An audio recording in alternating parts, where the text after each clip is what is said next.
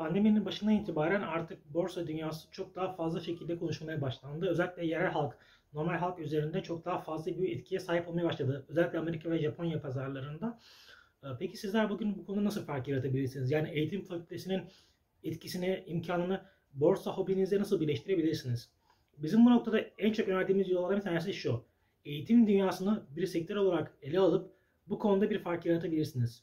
Nasıl yani? Şöyle ki, diyelim ki eğitimle ilgili içerikler üreten, daha doğrusu bir takım çözümler sunan ve halka açık firmaları ele alıp bunları sınıflandırarak bunlar üzerinden çözümler üretebilirsiniz.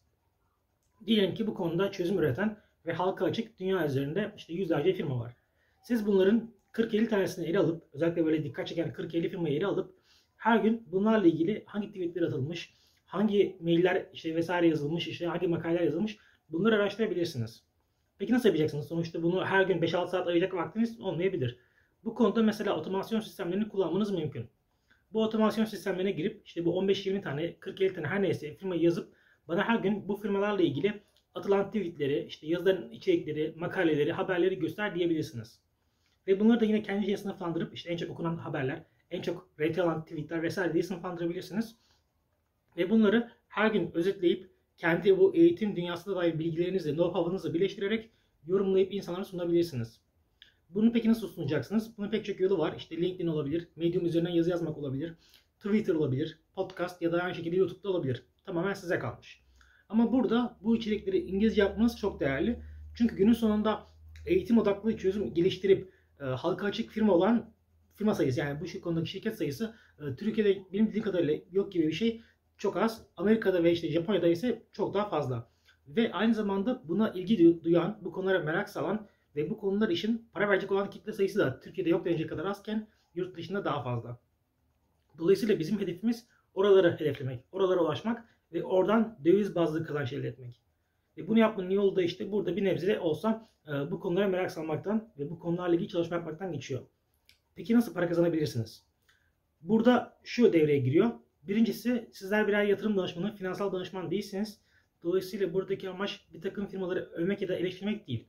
Buradaki amaç bu sektördeki firmalar ne yapıyor? Bunlarla ilgili neler düşünülüyor? Buradaki trendler neler? Buna merak olacağız. Öte yandan peki nasıl para kazanacağız? Bunları paylaştık diyelim. Bunun en basit iki tane formülü var. Birincisi mesela YouTube'dan yayın yapıyorsanız YouTube kapı, katıl aboneliği olabilir.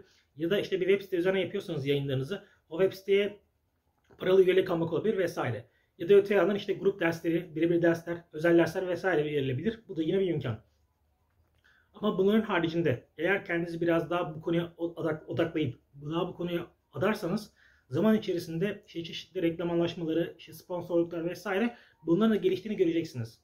Burada şu yok tabii ki yani siz çok büyük bir belki yapı olmayacaksınız ama zaten yurt dışında bu tarz büyük yapılara gerek kalmadan daha mikro boyutlu, daha ufak yapılara da aslında destekler çıkabiliyor ciddi anlamda. Çünkü o konuya meraklı insanların e, ya biz buraya bir destek atalım, işte bir destek verelim, bir kahve parası atalım şu işte yayıncı vesaire muhabbet çok yaygındır.